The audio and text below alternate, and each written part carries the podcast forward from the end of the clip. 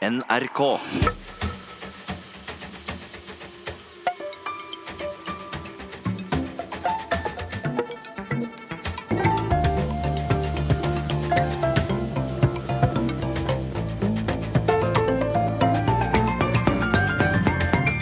I dag skal det snakkes om kjønnsforskjeller i skolen. I 2017 skrev Camilla Stoltenberg en aviskommentar som handlet om at gutter er blitt skoletapere. Og det blir bare verre og verre. Hvordan pokker har det gått til, og hva skal man gjøre for å fikse problemet? Den utfordringen fikk nettopp dagens gjest av kunnskapsministeren, og den 1. februar i år så skal hun og utvalget hun leder legge fram en såkalt NOU, Norges offentlige utredninger. Hun har vært så supergame å komme hit for å foreta en aldri så liten generalprøve. Hun er lege og sjef for Folkehelseinstituttet. Ta godt imot min gjest i dag, Camilla Stoltenberg. Ja, Camilla Stoltenberg, eh, lege, forsker og direktør for Folkehelseinstituttet. Hjertelig velkommen hit til Tore Sagens podkast. Tusen takk. Det er veldig stas å ha deg her. Det er veldig stas å være her. Og jeg vet jo at du er en eh, veldig opptatt dame nå, særlig i denne perioden, eh, fordi det nærmer seg eh, at du skal legge frem en, en utredning. Ja, Eh, En Norges offentlige utredning, altså en NOU. Det er staselige greier. Det er det. Har du hatt, vært borti noen NOU-er før? Har jeg mange? Har vært medlem av slike utvalg to ganger tidligere, men jeg har aldri ledet det før. Jeg syns det er staselig, ja. Jeg innbiller meg at det er veldig mye formaliteter før hvert møte. Eh, At det er Nei. Ikke noe godkjenning av referat og sånne ting. Jo, Ja, det må man gjøre. ja, det er det. Men det er ikke veldig mye formaliteter. Nei. Det er først og fremst veldig mange vanskelige spørsmål. Ja. Som man står til ansvar for å ta stilling til. Det er jo mye man kan mene, Også hvis man begynner å tenke seg om, så er man ikke helt sikker på hva man mener. Men her må vi faktisk stå til ansvar. Er det Bellingman selv alle som skal sitte i utvalget? Hvem er det som plukker Nei. den gjengen? Det er det kunnskapsministeren eller Kunnskapsdepartementet som har gjort. Ja. Uh, Og det er jeg glad for. ja. Så De har slipper å gjøre det selv, ja. Ja, De har bestemt hvem som skulle sitte der, ja. og de har bestemt hva mandatet skulle være. Ja. Jeg er helt sikker på at Hvis jeg kunne bestemme mandatet helt fritt, så ville det blitt altfor stort. De har, ja, de har mer erfaring med slike prosesser enn det jeg har, så de kan avgrense det, mens jeg tenker at jeg vil trekke inn alt mulig. Og... Da, da sier Camilla at dette er ti NOU-er, ikke én. Ja, Ja. Det ville de sagt da. Men den diskusjonen har vi ikke hatt, altså. Nei, jeg skjønner. Eh, For eh, denne utredningen, da, eh, den handler om eh, skal jeg, hva, jeg tar det rett fra regjeringen sine nettsider. Ja, det, er, Eh, det er klokt. Det pleier jeg også å gjøre. Ja, for det, det er helt uangripelig. Ja. Eh, regjeringen har satt ned et utvalg for å få mer kunnskap om hvorfor jentene gjør det bedre enn guttene på skolen. Og Ekspertutvalget skal da samle kunnskap om hvorfor kjønnsforskjeller i skolen oppstår, og komme med forslag til hva som skal gjøres for å motvirke dem. Eh, og så er det da en liten saksorientering. Det er forskjeller mellom gutter og jenter gjennom hele utdanningsløpet. På flere områder gjør jentene det bedre enn guttene, men forskjellene varierer med fag og alder. Eh, hvor, hvordan ligger det an? Nei, det er eh, forskjeller hele veien. Faktisk så er det forskjeller allerede før barna begynner på skolen. Ja. Eh, Det er forskjeller i utviklingen og utviklingshastigheten hos gutter og jenter. Men det er viktig å huske at dette er gjennomsnittlige forskjeller. fordi det mest slående er jo at gutter og jenter ligner på hverandre. Eh, Og eh, at eh, det er stor variasjon mellom jenter. De skoleflinke, de mindre skoleflinke. og etter mange dimensjoner, selvfølgelig, men nå har vi jo skoleflinkhet, eh, som er det vi er mest opptatt av. Ja. Eh, Og det samme med gutter. Stor variasjon, og mye større variasjon innen gruppen gutter Ja. og innen gruppen jenter enn det er mellom gutter og jenter i snitt. Hva er vitsen med å dele det opp i kjønn da, hvis det ikke er noe særlig mer homogent enn noen som helst annen inndeling? Det, har jo noen, det er jo noen systematiske forskjeller. Eh, Og eh, de forskjellene er store nok til at de betyr mye for livsløpet. Og i dette tilfellet, når det gjelder skoleprestasjoner, så er de forskjellene så systematiske at vi ser dem i veldig mange land. Ja. Vi bruker først og fremst data fra andre OECD-land, altså andre rike industrialiserte land. Eh, Og vi ser det i eh, på tvers av skolesystemer. Vi ser det over tid. holder det seg. Sånn at her er det noe underliggende som driver fram disse forskjellene. Og da er det faktisk ganske greit å dele det inn i to grupper. Så kan man godt definere seg som andre kjønn innenfor de gruppene, men, men når vi deler det inn på den måten, så får vi fram de systematiske forskjellene på gruppenivå. Og øh, hvor store, Kan man si noe konkret om hvor store forskjeller det er på gutter og jenter? Ja, det kan vi. Eh, det er to mål særlig, eller tre, som er veldig greie å se på, som er det vi ser mest på. og Grunnen til det er dels at det har vi kunnskap om, og det er sentralt for vår problemstilling. Og Det ene er hvordan gjør de det i ungdomsskolen? De karakterene man får når man går ut av ungdomsskolen i tiende, de betyr veldig mye for om man fullfører videregående. De betyr veldig mye for hvordan man gjør det videre i livet, faktisk. Ja. Og de karakterene eh, de kommer jo hvert eneste år, så det er bare å gå inn på SSB, og så finner man de dataene. Ja. Og for eksempel i år så var forskjellen ca. 4,7 eh, grunnskolepoeng. Mell, altså forskjellen mellom gutter og jenter. Grunnskolepoeng, det er Ja. karakteren ganger med ti, eller noe sånt? Er det riktig? Nei, jeg, jeg husker faktisk ikke om det er ganger med ti, men det er den kan det, det, Du legger sammen alle karakterene oh, ja. eh, i grunnskolen. Og da lurer jeg på om det er elleve. Dette bør jeg sjekke. Men, eh, men i hvert fall så er det slik at Jo, det er nok ganger med tida. ja. Eh, så du er litt nærmere den, det ja, så da systemet er enn det det liksom er. 10 forskjell, da? Ja, det er ca. riktig? 10 forskjell. Ja. Det er helt riktig. Og, og det kan jo se lite ut. Og når du tegner opp de fordelingene, så, så ligger, overlapper de jo. Ikke sant? Eh, Det er noen flinke gutter, det er noen mid, eller veldig mange middels, og noen med lavere karakterer. Ja. Og så er det samme med jenter. Og de kurvene de ligger oppå hverandre. eh, Men de er akkurat så mye forskjøvet at det spiller en veldig stor rolle. Og det er kanskje aller mest synlig i ytterkantene. Så, så eh, eh, du sier forskjøvet, så man kunne, hvis man hadde skjøvet disse kurvene litt på hverandre, så ville de eh, sett Da ville de sett like ut. Ja. Og Hvor mye er det man må skyve, da? Så det, vi, Nei, det er, det det om, er mye, at det er jo så mye, da. Ja. Eh, disse ca. 4,5. Da det er greit å bruke 4,5 som en, en Ja. sånn, sånn vanlig forskjell, fordi at eh, det varierer litt grann fra år til år, men det ligger mellom 4 og 5 grunnskolepoeng forskjell. For det det liksom eh, handler litt om, er, eh, i hvert fall sånn som jeg har forstått det, at eh, eh, gutter er ikke modne nok når de begynner på skolen i forhold til jenter. Eh, så da eh, eh, skal de kanskje begynne seinere på skolen. Altså, kan, Vi kan snakke om det, for Ja. det er et veldig viktig tema. Ja. Men kanskje skal fullføre dette. det for at. Nå gikk jeg litt dypt inn i disse forskjellene, men, men jeg tror det likevel er viktig. fordi at hvis vi ser på ytterkantene, så er det de som har virkelig eh, høye grunnskolepoeng, altså som har fått gode karakterer i 10. klasse. Der er det altså de som har 50 og høyere, da. Mm. Eh, Der er det to og en halv gang så mange jenter som oh, ja. gutter. Ja. Så det er akkurat så mye forskjøvet at det spiller en veldig stor rolle i den enden. Ja. Hvis man går til den andre enden og ser på de som har lavere enn 30, så er det mer enn to ganger så mange gutter som jenter. ja, nettopp, ja. Så det er ytterkantene man ser det aller best. Det er der man ser det best, men virkeligheten er at det er synlig gjennom hele fordelingen. Ja. Sånn at dette spiller en rolle hele veien. Og så er spørsmålet hva betyr det videre? Jo, det er veldig sterk sammenheng mellom grunnskolepoeng og om du fullfører videregående eller ikke. Ja. Og fullføring av videregående er jo noe hele samfunnet er opptatt av, fordi vi vet at utdanning har blitt så viktig for hvordan man klarer seg videre i arbeidslivet, og faktisk også i familieliv og når det gjelder helse. Men da er det jo slik at man har jobbet hardt for å prøve å få opp fullføringsprosenten, og fått den bitte lite grann opp. Ja. Men ikke veldig mye. Over hele kjønnsfjøla, dette? Ja, det, både, det er jo Ja. både gutter og jenter som ikke fullfører. Og i Norge er det vanligst å måle fullføring etter fem år. Ja. Altså fem år fra du startet. Så måler man ofte etter ti år også. Men eh, etter fem år, da, så er det ca. 30% av guttene som Et- Etter fem år etter Fem år etter at du har begynt i videregående opplæring, Oh, ja.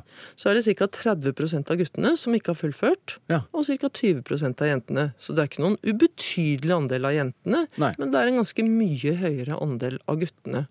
Og det betyr jo også at blant de som ikke har fullført, så er det 60% gutter og 40% jenter. Ja. Og så, så det det andre målet. Det ene er grunnskolepoeng, det andre målet er fullføring, og det tredje forholdsvis enkle målet, det er rett og slett andelen som tar høyere utdanning. Og i dag er det slik i Norge at det er 60% av de som fullfører høyere utdanning, som er kvinner, Ja. og 40% som er menn. Og hvordan var det før?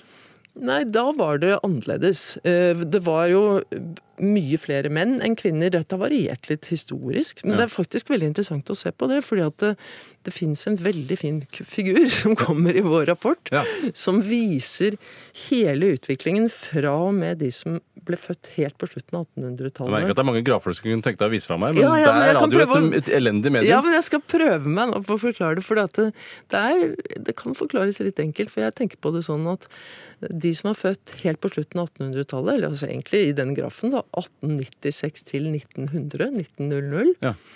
der var det selvfølgelig flere menn enn kvinner.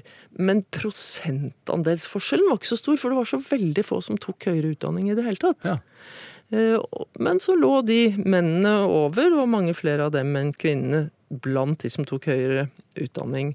Og slik fortsatte det helt til de som er født i 1930 ca. Ja. Så jeg tenker at for bestefaren min, farfaren min, da var det sånn at det var mest menn. Og så kommer min fars generasjon. Han var født i 1931. Det var de som tok utdanning etter krigen. Da var det en veldig eksplosjon av utdanningstilbud. Mange flere tok høyere utdanning. Ja. Og der øker kjønnsforskjellen i menns favør Oh, ja. kraftig. Ja. Og sånn holder det seg da i 20 år ca. Fra 50-tallet, tidlig 50-tall til 70-tallet. Da kommer de som er født tidlig på 50-tallet, inn i utdanningssystemet. Og da kommer kvinnene. Og da bare bikker den kurven fullstendig. Ja. Og i løpet av noen få år så blir det flere kvinner enn menn som tar høyere utdanning. Ja. Så jeg som er født på slutten av 50-tallet, jeg er liksom av de som krysser den grensen. Ja. Og så blir det flere kvinner enn menn. Noe av det som gjør det så vanskelig å jobbe med dette feltet, det er de lange historiske linjene. Jeg skjønte ikke helt hvorfor, var så mange, hvorfor var det fordi det var færre som tok høyere utdanning på slutten av 1800-tallet, så var det eh, kjønnsfordelingen ganske lik? Nei, nei, nei, den var ikke lik. Nei, Den, det men det var en del kvinner bare- som gjorde det, da. Ja, det var noen kvinner som gjorde det. Ja, ja. Nei, det, nei, det var mange flere menn enn kvinner. Ja. Men, men prosentandelsforskjellen, Ja. eh, prosentpoengforskjellen, Ja. den var ikke så stor, for det var så få prosentpoeng å ta av. Ja, nettopp. Eh, ikke sant? Ja, sånn, ja, ja, du kan okay. tenke deg, Nå husker jeg ikke akkurat det tallet, men la meg si det bare er 3 da, Ja. som tar høyere utdanning. Ja. Eh, Så er det jo tre ganger så mange menn som Nei, unnskyld, 3 menn som tar høyere utdanning. Så er det jo tre ganger så mange menn som kvinner hvis det er 1 Ja, av ja, ja, kvinnene. sånn, sånn Eh. Så det skal så lite til for Ja. å få store forskjeller. Så, så kommer vi da til, eh, til disse som er født eh, utover fra 60-tallet og videre. Mm. Eh, Og nå, i dag, så er det da 20 prosentpoeng forskjell i andelen som tar høyere utdanning mellom kvinner og menn. Ja, så kvinner eh, burde ikke stå på kjøkkenet, du burde sitte på forskningskontoret. Ja, men det gjør de òg. Ja, de gjør det, men, Ja. men uh, hvorfor er de flinkere fra naturens side? Hvorfor er kvinner så, hvorfor egner Altså, de seg så godt til, til det som- alt som har med akademisk prestasjon å gjøre? Nei, altså det som, det som ser ut til å være tilfellet, da, i den grad det, det å sette sammen altså Vår oppgave er jo å finne ut hva er kunnskapsgrunnlaget her, hva vet vi om dette? Og det, jeg, jeg har aldri vært arkeolog, men jeg innbiller meg at det er litt grann som å være arkeolog, og så finner du noe veldig gammelt, og så er spørsmålet skal du røre det for å finne ut hva det er? Ja. Og så begynner du liksom å skrape i det, og så går det litt i oppløsning. Ja. Den følelsen har jeg ofte. Fordi mye av kunnskapsgrunnlaget her, det er liksom små biter som må settes sammen til et større bilde. Og så må man prøve å forstå det bildet. Og så smuldrer artefaktene Ja, opp mens så du setter det sammen? smuldrer det litt. Ikke når du setter det sammen, kanskje, men når du begynner å ta i dem. ikke Ja. sant? For da begynner du å lure. Hvor god var egentlig den studien? Ja. Var det mange nok med? Var det en veldig spesiell befolkning? Kan den generaliseres? Mm. Har de brukt noen rare metoder? Har de egentlig sett på det vi er ute etter, eller er det bare en slags beefen som vi må prøve å eh, presse ut av det de har gjort? Ja. Og sånn er det med veldig mye av dette, for det har vært forholdsvis lite interesse for å forstå årsakene til denne utviklingen, beskrive den sammenhengende i stort, Ja. og ikke minst for å gjøre noe med det. Hvorfor det, tror du? Nei, det kan man spekulere i. Er du redd for å spekulere i det? Jeg er litt forsiktig med det. Ja. det. Det må jeg innrømme, fordi at Eh, Jeg er mest opptatt av å utforske det og ha et nokså åpent sinn Ja. når jeg utforsker det. Og det er veldig fort gjort å begynne å si er det diskriminering, er det ikke diskriminering, er det uh, vond vilje, er det feminismen, er det feminiseringen av samfunnet? Så jeg holder meg litt unna det. Jeg prøver liksom å finne ut hva, hvordan ser det ut, Ja. og hva har skjedd, og hvordan kan vi på en nyansert måte prøve å forstå dette. Og jeg tror jo ikke at det i vårt samfunn har vært et ønske om å undertrykke menn. Nei. Det kan godt hende at noen har hatt det, men at det skulle være spesielt fremtredende i Norge og andre nordiske land eller OECD-land, det kan ikke jeg se. Nei. Eh, Det har vært mye mer uttrykkelig undertrykking av kvinner. Ja. Og er det jo noen steder fortsatt. altså Ta Japan, som er et OECD-land. Der har de jo nettopp avslørt at de medisinske fakultetene, da kvinneandelen kom opp i 40, bestemte seg stilltiende for å holde den nede på 30, oh, ja. og har jukset. Det er Yes. svær sak i The Guardian i forgårs. Japan har jukset. Japan har jukset systematisk for å holde kvinneandelen nede. For kvinnene var for flinke. Så det, andelen ble for høy, syns de. Og den ble ikke høyere enn 40% altså. Men hva var det de fryktet, da? De fryktet at det skulle bli for mange eh, kvinnelige leger og for få mannlige Ja, så kvinnelige leger. patriarkatet sin som på en måte holdt det nede på 30% Ja. Ja, jøsse navn. Ja, Og det syns de var greit. Ja. ikke sant? Eh, Det er jo en skandale av dimensjoner. Nå er det svære demonstrasjoner i Ja. Japan, og de må slippe inn en del av de kvinnene som urettmessig ikke fikk plass på de medisinske fakultetene. Først Ja. avslørte de det ett sted, og nå har de avslørt det på mange medisinske fakulteter. Ja. Jeg vet ikke om de også kommer til å se på andre studier enn medisin. Så jeg har bare fulgt med dette i det fjerne og syns det er veldig interessant. Jeg kan love at den type tiltak kommer ikke vår kommisjon til å ja. anbefale. ja. Men eh, Nå vet jeg ikke om jeg skulle gå i den eller den retningen. Om Ja. vi skal gå i for Ja, vi, vi, vi snakket om dette, hva som er de enkle målene. ja. Og dette er de enkle målene. Så er det ganske mange andre mål, men vi er jo bedt om å se på skoleprestasjoner. Og så er det mange som vil si ja, men hvorfor har dere ikke sett på innhold i skolen, eller på andre mål på hvordan barn og ungdom gjør det? Og det skulle vi i og for seg gjerne ha gjort, men det har vi for det første ikke hatt mandat til, og for det andre ikke hatt tid til. Og for det tredje så er jo faktisk karakterene veldig viktige ja. de bestemmer veldig mye.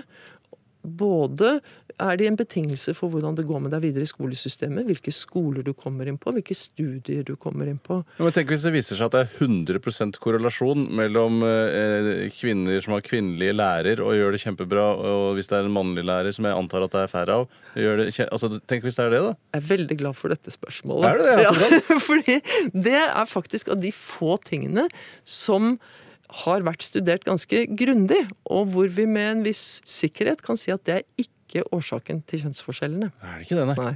Det er mange gode grunner til at det bør bli flere mannlige lærere og flere menn i hele utdanningssystemet Vil- fra barnehagen og oppover, men dette er ikke årsaken. Nei, nettopp. Men vil man ha en mannlig lærer nå som man vet at de, de egentlig ikke er så gode på skolen? da? Jo, det vil man jo. Det er jo mange gode menn. Ja, det er det. Ja, ja, ja. De få ytterkantene men for å Ja, det er, det er ikke så få. Det er, det, er jo mange, det er jo like mange gode menn egentlig som gode kvinner, da, men det er ikke like mange som gjør det bra eh, for like høy grunnskolepoeng og gjør det like bra i videregående skole. Men, men det som For å ta det med mannlige og kvinnelige lærere, da. Ja. Det, det det ser ut til, er at det kanskje faktisk er slik at både gutter og jenter gjør det litt bedre der hvor det er kvinnedominans blant lærerne. Ja. Eh, Dette er litt mer usikker på om er helt generaliserbart, men, men det, det man har tolket det som i Norge, i hvert fall, i de studiene som foreligger om det her, det er at det har vært mer attraktivt for kvinner å bli lærere. Sånn at i gjennomsnitt så har kvinnelige lærere vært litt flinkere enn mannlige lærere en periode. Ja. Og det eh, kan ha slått ut slik at barna har gjort det bedre, enten de er gutter eller jenter. Så det er noe, kan være noe som man tyder på det, liksom? Men Ja. er, det, er det mange flere kvinnelige lærere enn mannlige lærere? Veldig mange flere. Og ja, for det er fordi de liker å jobbe med mennesker, er det ikke det? ja. For vi skal jo dit. Ja, det, det, vi skal dit, men, men der er jeg også veldig veldig forsiktig. For ja, jeg tror kvinner liker å jobbe med mennesker. Jeg tror faktisk menn også liker jobbe med, Ja liker å jobbe med mennesker. Jo, og jeg er veldig usikker på de eh, litt strikte betegnelsene på hva det er kvinner og menn liker. For at for eksempel for meg som har studert medisin, da, så tenker jeg at eh, ja, det er jo både et veldig matematisk, veldig teknisk, eh, eh, veldig praktisk Ja, det kan du si, men det, når du gikk inn i det, så var det vel på en måte ikke for, fordi det var et teknisk og praktisk og matematisk krevende fag. Det var fordi du ville bli lege, på en måte? Og hjelpe mennesker. Men, men når jeg gikk inn i det, og jeg, nå kan jeg ikke snakke for alle andre som har blitt leger, men når jeg gikk inn i det, så var det egentlig fordi det kombinerte alle de tingene. Ja, det var det, ja. Ja, fordi at man nettopp kunne bruke alle de evnene og egenskapene. Jeg var jo veldig opptatt av matematikk. ja. Og det må man jo faktisk være hvis man skal komme inn på medisin. eh, Eller psykologi, for den saks skyld. eh, Og mange andre, mange andre fag som det er vanskelig å komme inn på. lege som I nachspiel-diskusjon så bruker jeg lege som noe som åpenbart har med mennesker, et menneskefag å gjøre. Men det er jo men selve det er en- yrket er jo ganske eh, menneskebasert, da. Det det mye Nei, det varierer enormt. Det, ja? Altså, Du kan jo godt være lege og sitte bak en skjerm hele tiden. Ja, det er sant. Hvis man ikke er en fastlege, eksempel. Ja. Hvis du jobber på sykehus og jobber f.eks. med eh, røntgendiagnostikk, billeddiagnostikk Ja. eh, Det betyr ikke at du ikke har med mennesker å gjøre, Nei. eh, men det har du i de fleste yrker. Ja, Men du vil ikke bruke lege som et argument for at siden det er mange kvinner som blir, ønsker å studere medisin, så tenker du at det er fordi de vil jobbe med mennesker? Det, Nei, altså, Jeg tror nok at det er en drivkraft. Ja. Og det kan godt hende at det er en forskjell der mellom gutter og jenter eller kvinner og menn. Så det utelukker jeg ikke i det hele tatt. Men jeg bare syns det er litt rart at de yrkene som er så til de grader sammensatte, og hvor man er helt avhengig av at det er folk som er interessert i veldig mye annet enn mennesker, Ja. som kommer inn for at man skal fylle de oppgavene man har som lege. Ja. Og det samme gjelder for så vidt sykepleier. Så jeg tror at man har underspilt en veldig sterk drivkraft, som er at noen har på en måte bestemt seg for at dette er et mulig yrke for oss å gå inn i, altså oss kvinner. Og så får man et fotfeste, og så har det en veldig selvforsterkende effekt. ja. Eh, altså det at det blir mange nok, gjør at det kommer fler. Fordi dette dreier seg jo ikke bare om menneskeyrker, det dreier seg om veterinær. ja. Ikke sant? Det er sterkt kvinnedominert. Ja. Eh, Det dreier seg om farmasi, eh, som jo riktignok kan du ha med mennesker å gjøre, men det er veldig mye som har med tall, eh, systematikk det, det, er, ja, men Så du vil rokke ved hele, den, hele definisjonen på hva som er et yrke hvor man jobber med mennesker, og et som ikke er det? ja, jeg syns den er for enkel. Ja. Men ingeniør er jo fryktelig eh, teknisk og veldig usosialt. Sånn som jeg, Ja, men for eksempel så har min, i hvert fall. Ja, nå er ikke jeg ingeniør, så Nei. det kan jeg ikke like mye om som det å være lege, men det er veldig mange ingeniøraktige sider ved det å være lege, f.eks. Ja. Men for å ta det å være ingeniør slik jeg tror det er, så er det jo slik at det er mange ingeniører som sikkert sitter og beregner ting inne på et kontor, men det er også veldig mange ingeniører som skal drive prosjekter. De skal være ledere. De skal ha veldig god menneskekunnskap for å gjøre det. Men så, så Og dette har vært et felt der du virkelig rekrutterer ledere på alle nivåer i samfunnet, altså ingeniør. Og, og det krever sterk og god menneskekunnskap. Ja, det, er, det, er, det er godt sagt, det. Altså. Hva med bygg og anlegg, da? Så hvis du, hvis Det samme der. Hvis du starter en trend med kvinner, den første kvinnen, Rosa Parks, Ja. eh, gravemaskin Rosa Parks, Ja. eh, setter i gang, og det begynner å bli flere kvinner, så tror du at eh, de vil strømme til fordi det blir en trend, liksom? Ja, Det kan skje. Ja. Men bygg og anlegg er det noen andre problemer. Ja. Fordi at det er i hvert fall noe av yrket som krever veldig mye fysisk styrke. Nå finnes det mer enn nok av fysisk sterke kvinner eller kvinner som kan bli det, Ja. til å fylle de jobbene. Og de blir jo også mer eh, hva skal jeg si, automatiserte, sånn at det kreves i noe mindre grad. Mm. Men det andre er at det er et veldig konkurranseutsatt eh, felt. Ja. Eh, Sånn at det er jeg vet ikke om det er det viktigste å oppfordre kvinner til å gå inn i bygg og anlegg. Det er ikke sånn at jeg er opptatt av at alle yrker skal ha akkurat 50-50 Men du er menn og kvinner. Nei, det er jeg ikke. Men jeg er opptatt av at alle yrker skal være tilgjengelige både for kvinner og menn. Ja. Og at både kvinner og menn skal åpne hele spekteret av type yrker som de tenker på å gå inn i, og forme dem eh, på nye måter. Så Ja. jeg syns jo f.eks. at det er veldig rart at det ikke er mye sterkere tilstrømming av menn til læreryrket. Mm. Det var jo et rent mannsyrke nesten i veldig mange år. Eh, Og, og jeg tenker at det er et fantastisk yrke. Ja, ja, ja. Så, for å ta et eksempel. Så, så jeg tror nok at menn Nå er det ikke dette vi driver med i utvalget? Nei, nei, nei, nei, men det, altså, vi skal, her er det lov at det skal skli ut. Men her, nå sånn. sier jeg ting jeg tenker selv, Ja, ja, ja. Og, og i tilknytning til, til utvalgsarbeidet. Men det, det har ikke noen direkte innflytelse på akkurat det vi gjør der. Men, det er, men jeg, bare, jeg bare tenker at her er det viktig å nyansere diskusjonen, fordi at mange av de Ja, tannlege, da, for eksempel. Mm. Veldig teknisk og praktisk Jeg yrke. Jeg syns du avpolariserer en ellers så spennende og kontroversiell debatt. Jeg skjønner at det ødelegger festlivet, men akkurat nå er vi ikke på fest, så Nei. du får bare glemme Nei, jeg det når du er på det. fest igjen. Så, men, eh, men det er fortsatt kontroversielt, da, dette med eh, kjønnsforskjeller eh, og kjønnsforskning. Ja, det er det. Hvorfor er det det, da? Hva tror du det går i Nei, ble, Ja, jeg men vi kan godt hoppe til det. Jeg, jeg tror jo at noe av det har veldig gode grunner. Altså at man har brukt eh, det- man har stemplet som biologiske forskjeller, til å diskriminere. Ja.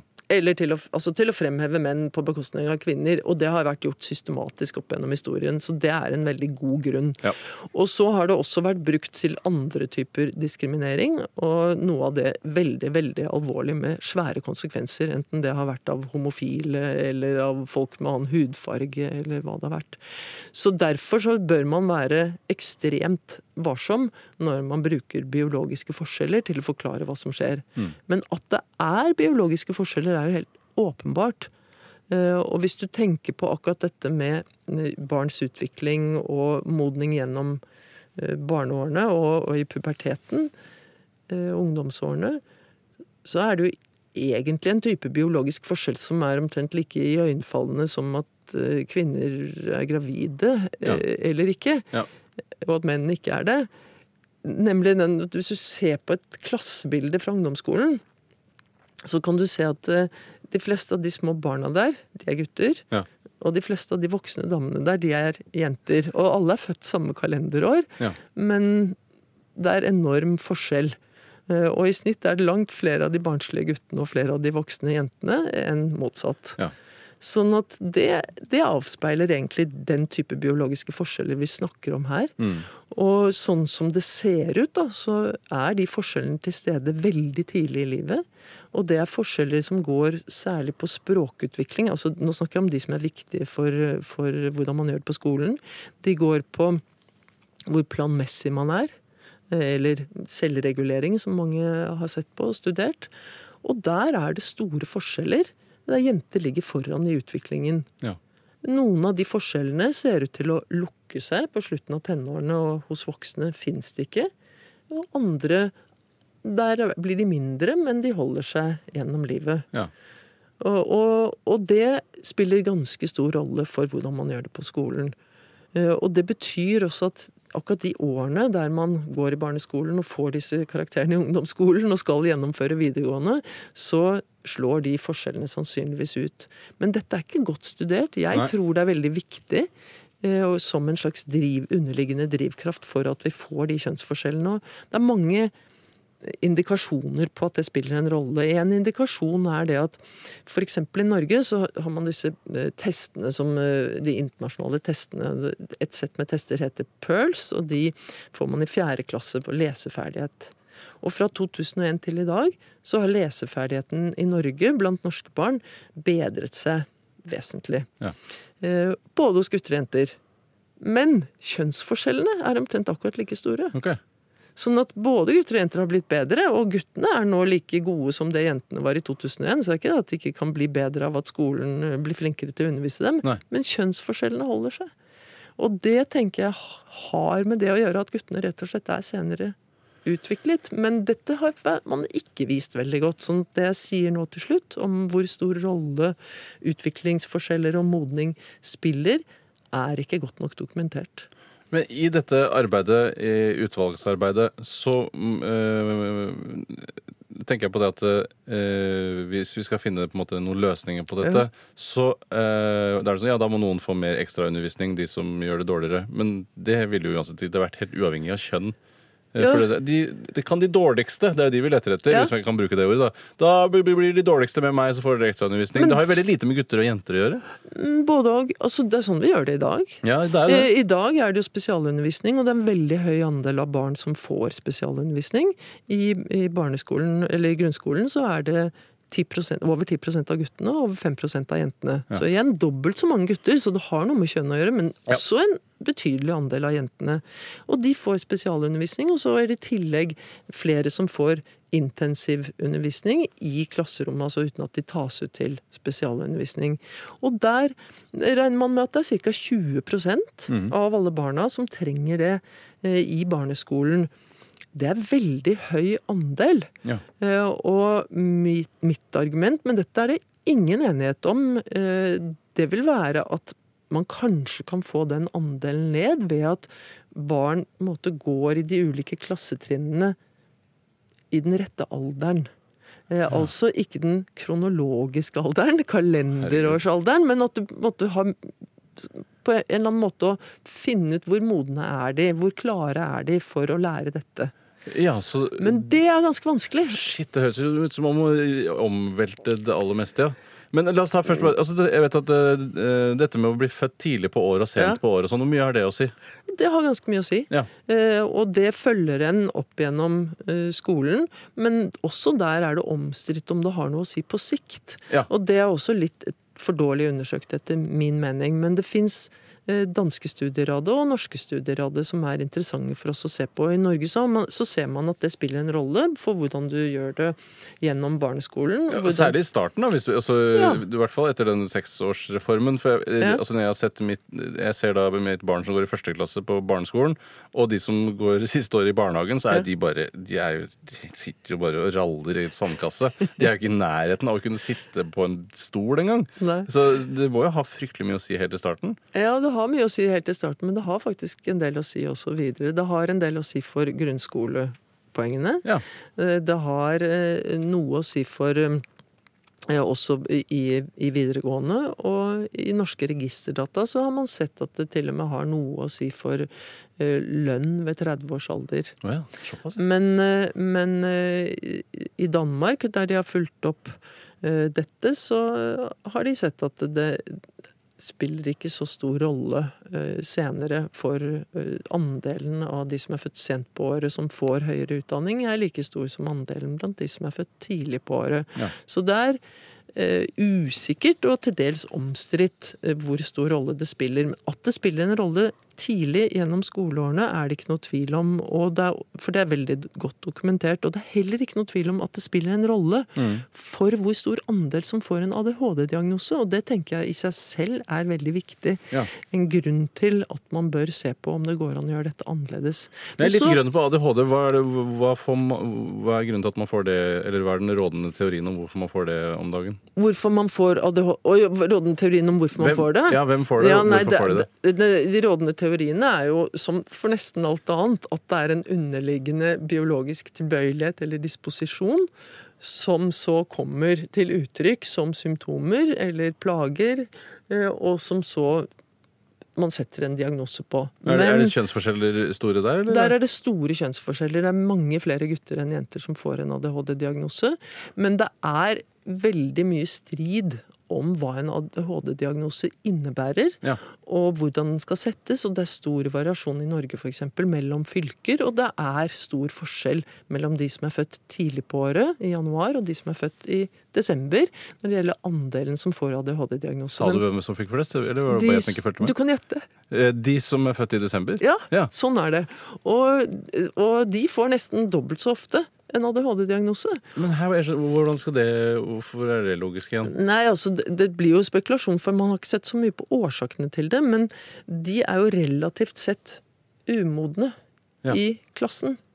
Eh, De er relativt yngre i klassen.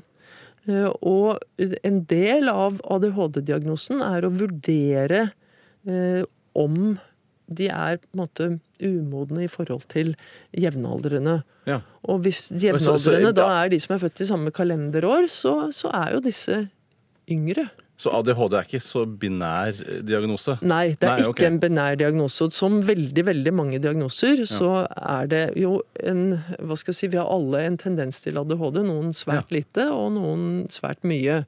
Og så er spørsmålet, når du da kommer i et visst miljø, hva er det som utløser det? Hos noen vil det kanskje utløses de symptomene som gjør at du kvalifiserer for den diagnosen. Ja. eh, Som jo er en omstridt diagnose på mange måter. Men, men i visse miljøer så vil det utløses hos noen barn nesten Uh, uansett. Ja. Nei, ikke visse miljø, men også hos noen barn vil det utløses nesten uansett. Men hos andre barn vil det bare utløses under helt bestemte betingelser. Ja. Eh, og det er avhengig av graden av disposisjon. Genetisk disposisjon. Ja, nettopp. Men, så, men hvis du er født i januar, så slår den ikke ut?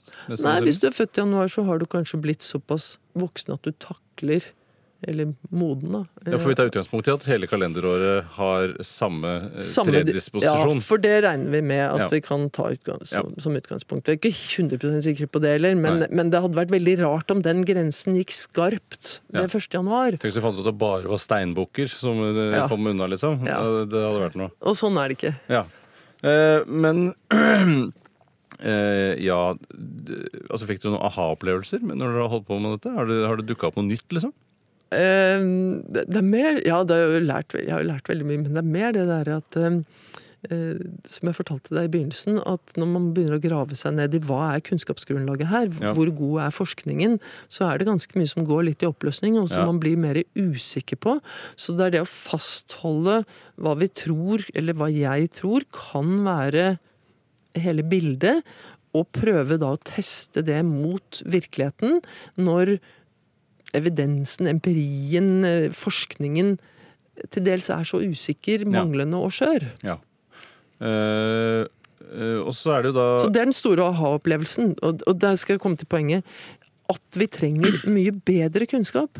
Ja. Vi trenger f.eks. å vite mye mer om hva det betyr det for livsløpet til barn at de har begynt i barnehage når de er ett-to år. Hva betyr den type skole vi har nå for barna gjennom livsløpet? Ja. Ikke bare på skolekarakterene, men senere også. Og den type forløpsstudier fins nesten ikke.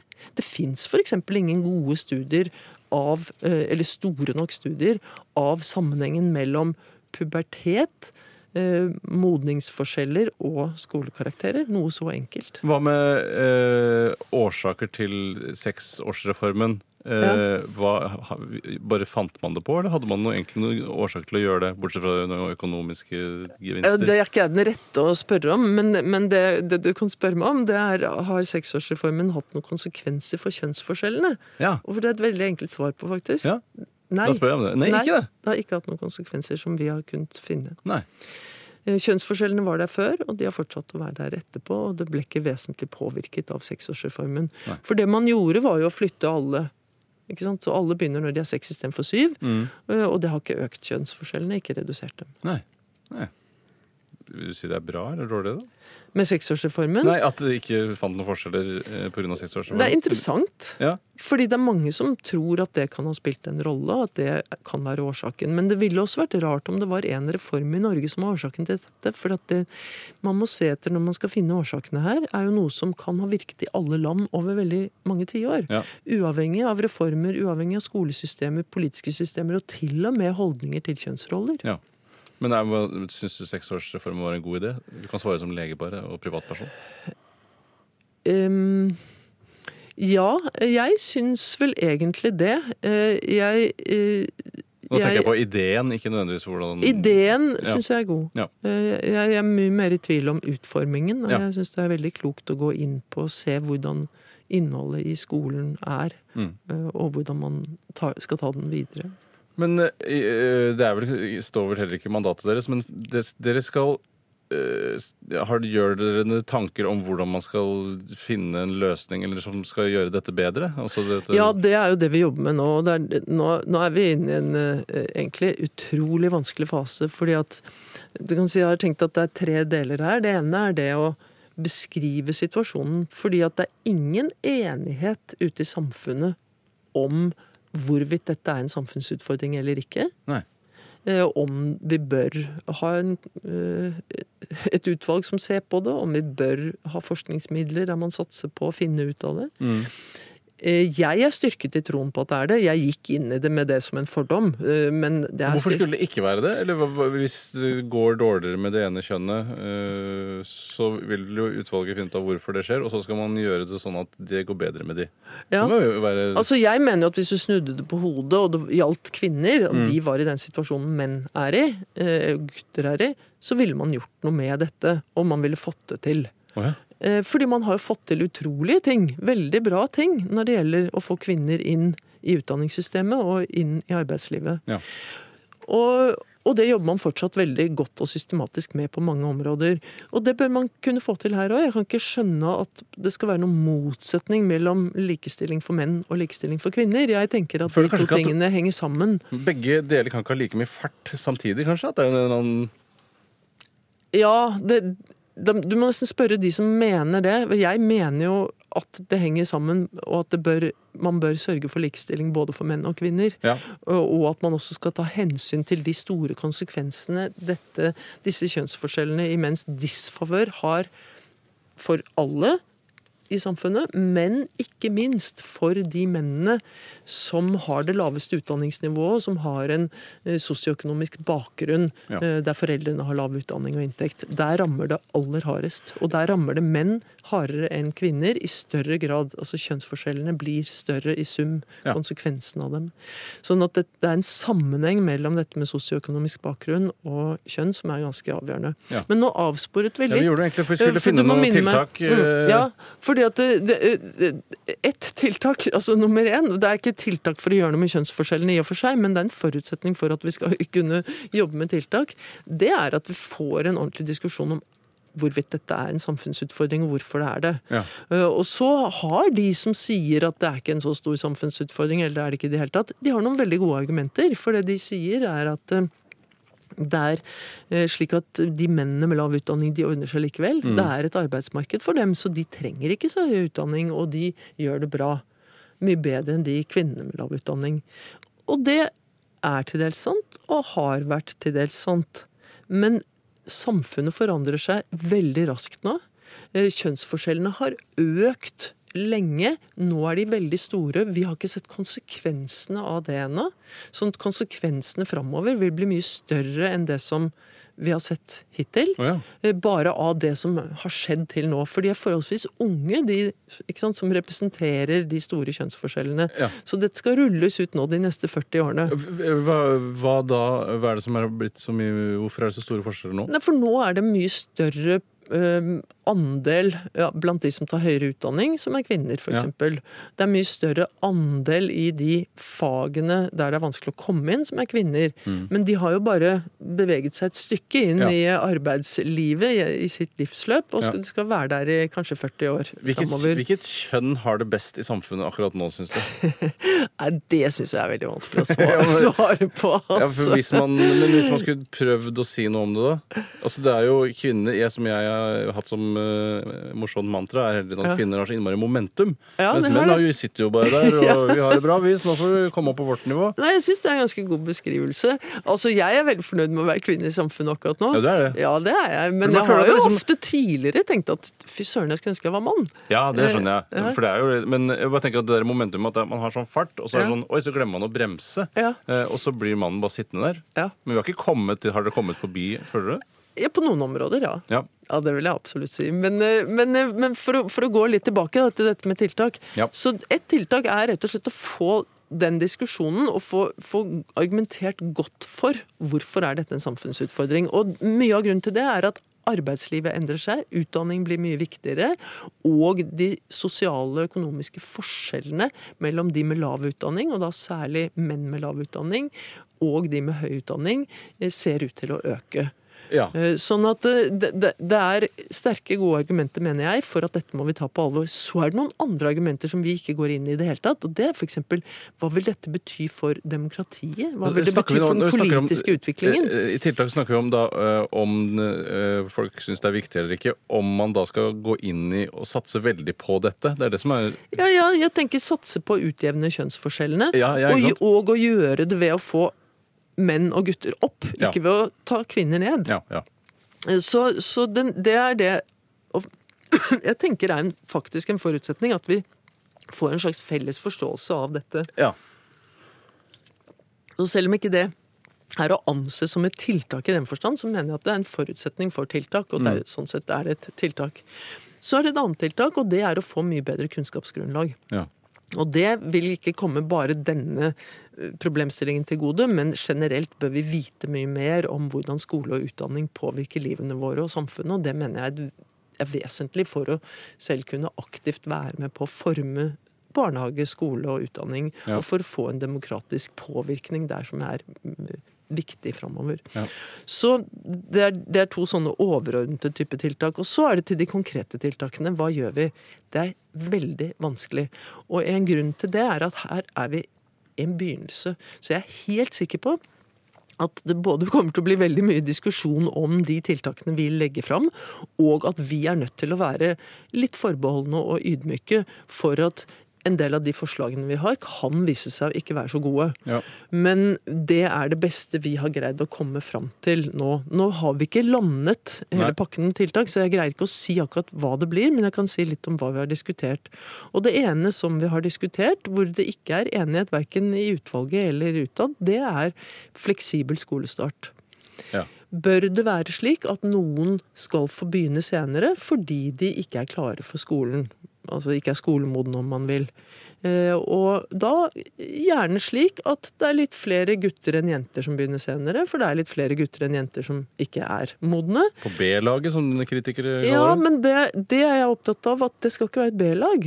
Ja, men de, må, de må bli jo et B-lag uansett. Nei, men De begynner jo en helt vanlig klasse. Ja. Og hvis det er mange nok som gjør det, og det er helt normalt, så er det ikke sikkert at det blir noe B-lag.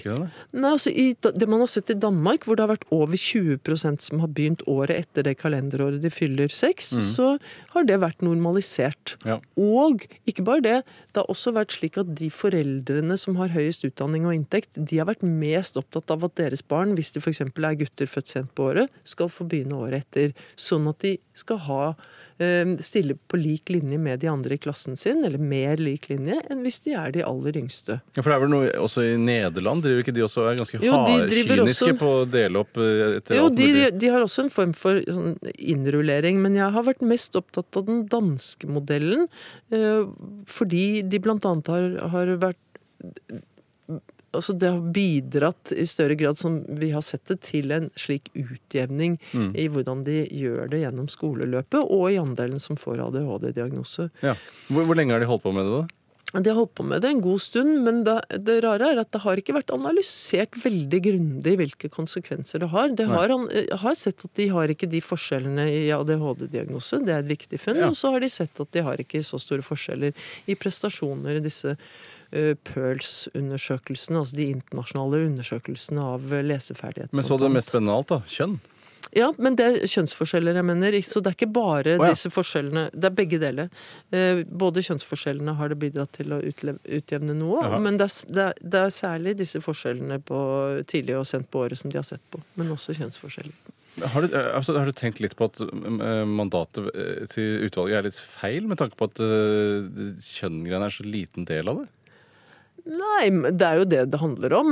Men altså, jeg tenker at mandatet ikke er feil i det Nei. hele tatt. Men det er bare at det er veldig lite av vitenskapen som har handlet direkte om kjønnsforskjeller. Sånn Mm. ofte har vi måttet Altså, vi har helt sikkert gått altså, du vil løfte fram det litt, siden det har blitt litt uh, Ja.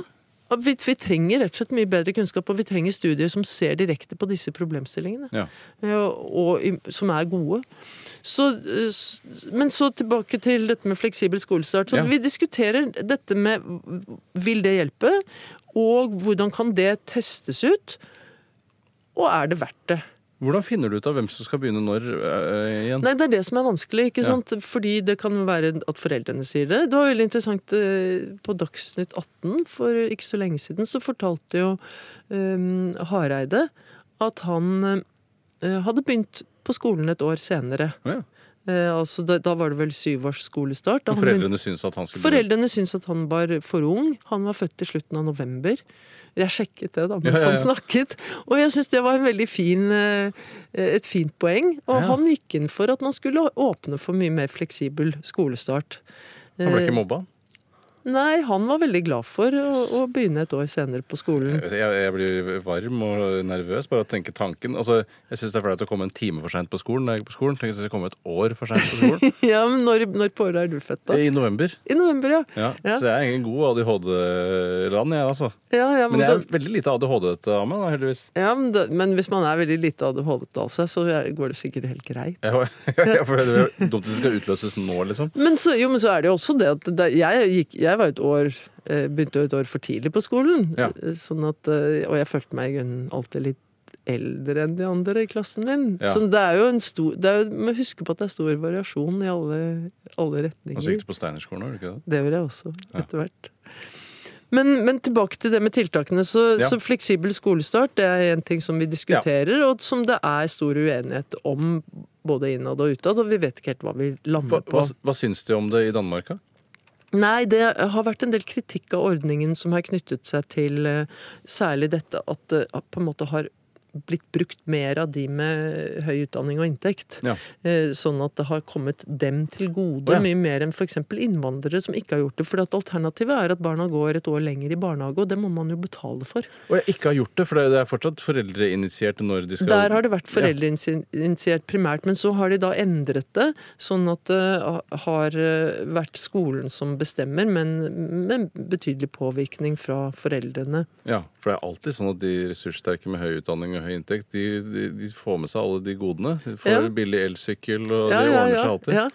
Og det er jo viktig å prøve å finne en ordning som gjør at det ikke utnyttes bare av de som som allerede ligger best an. Ja. Eh, Så, så derfor så er det komplisert å finne en god ordning for det. Men Mm. personlig tror jeg at her er det noe å vinne ved å la barn, altså tilpasse skolen, vil jeg si, mer til barna ved at de at det går i riktig klasse Ja. ut fra sin biologiske alder, om du vil. Eh, og ikke bare den kronologiske, den Men- men er- på hvilket år du er født i. Men er danskene eh, blitt mer positive til det etter å ha starta med det? Vet du noe det? Eller er de... Nei, det vet jeg ikke nok om, men de har også hatt mange ulike modeller for hvordan man gjør dette her. Ja. Eh, Men, men den enkleste modellen, altså den med at du eh, har et barn lenger i barnehage, og det bare begynner året etter, Mm. ja, har vel sannsynligvis vært mest utbredt, tror jeg. Og de, de har vært positive, men de har ikke udelt eh, positive erfaringer nettopp pga. denne sosioøkonomiske ulikheten i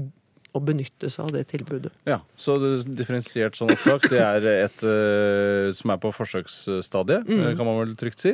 Eh, Hva, er det noen andre tiltak man kan Ja, gå i gang med? en, en annen, jeg skal bare nevne noen. Det er så veldig mange vi ser på. Men, Mm. men et, en veldig interessant diskusjon vi har, det går på opptak til videregående skole. Ja.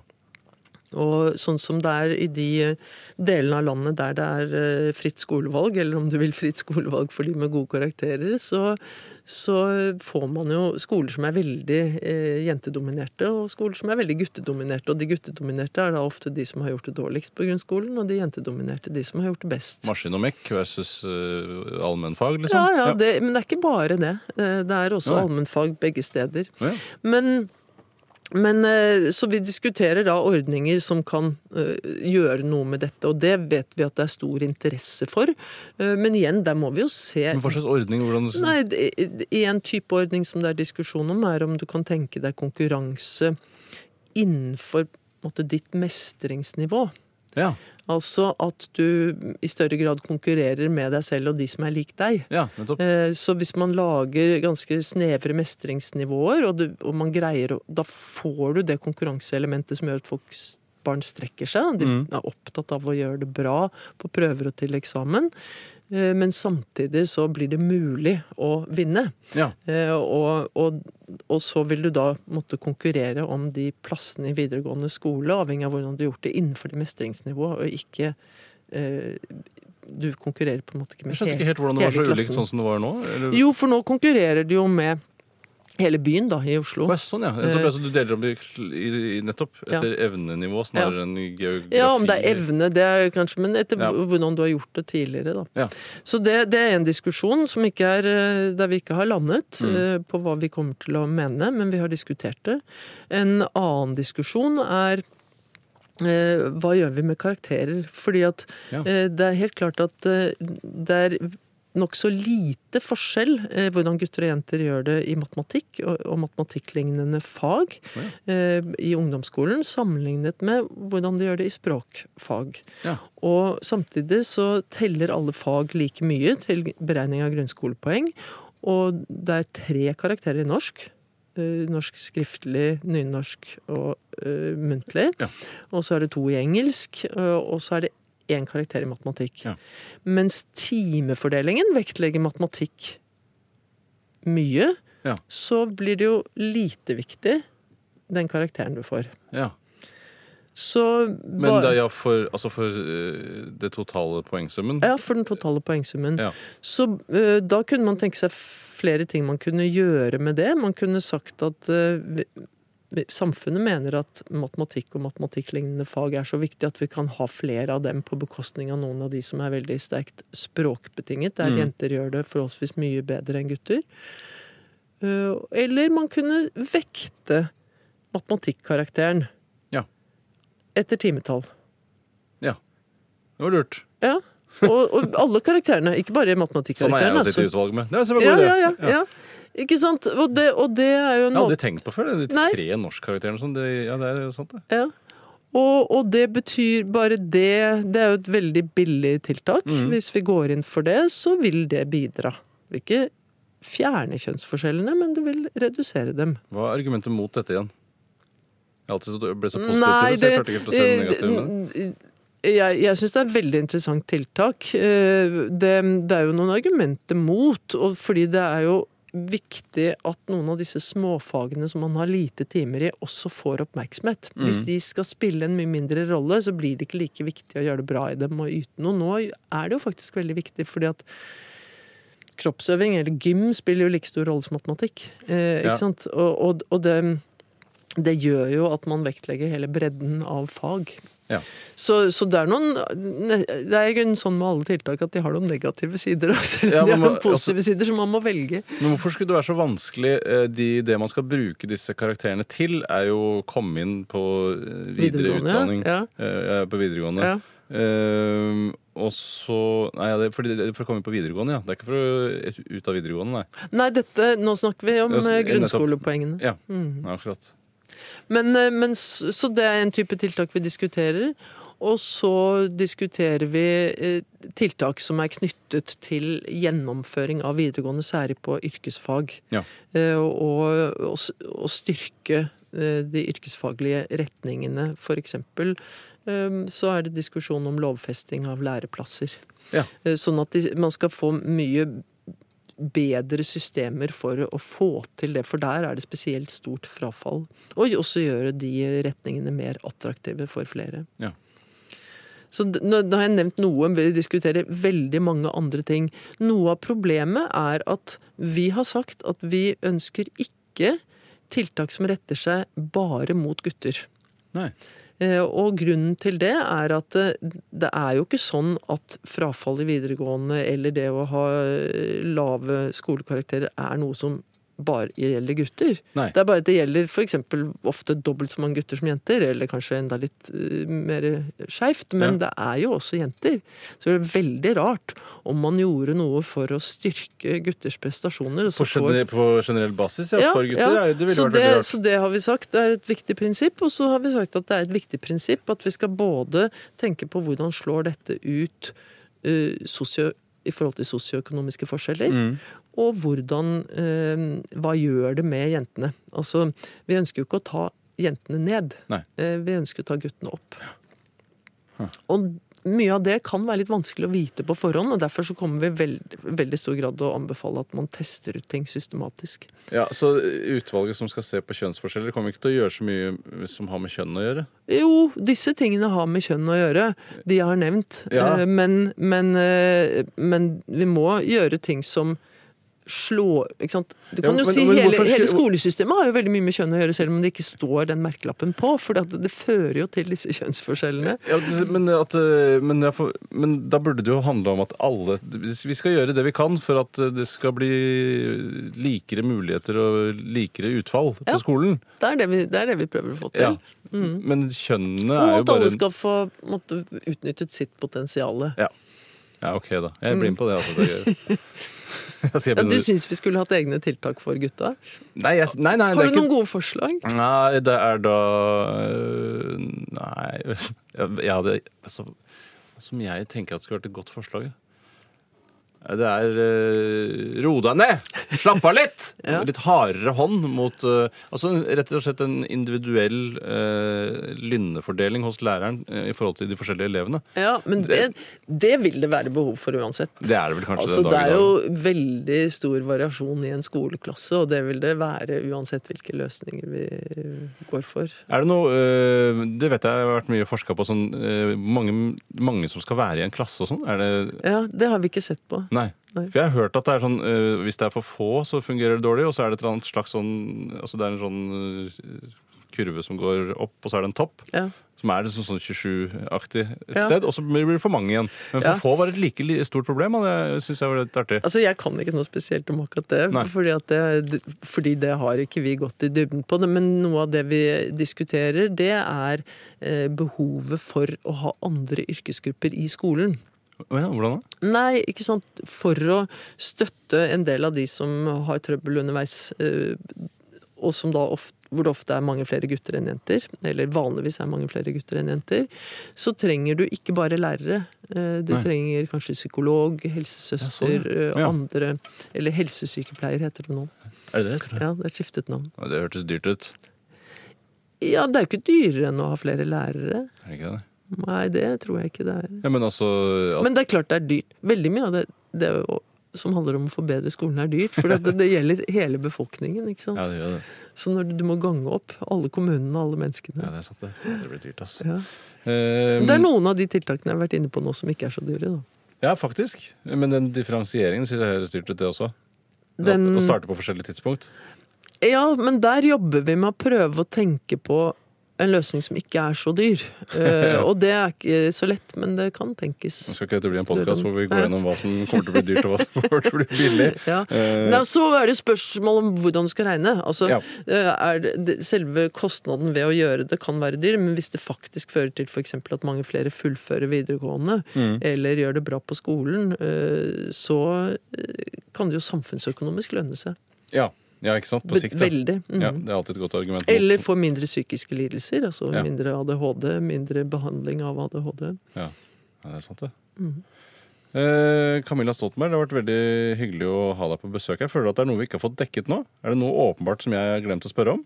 Jeg kommer ikke på det akkurat nå, Du har vært veldig utfyllende og god hele veien. helt sikker på at jeg kommer på det idet jeg går ut av døra. Men, eh, men jeg, jeg gleder meg jo til vi skal legge fram og høre hva du mener da. Ja, Det blir veldig spennende. Jeg, jeg, jeg gleder meg også veldig til debatten i etterkant, for jeg føler at det, det sikkert kan bli kontroversielt.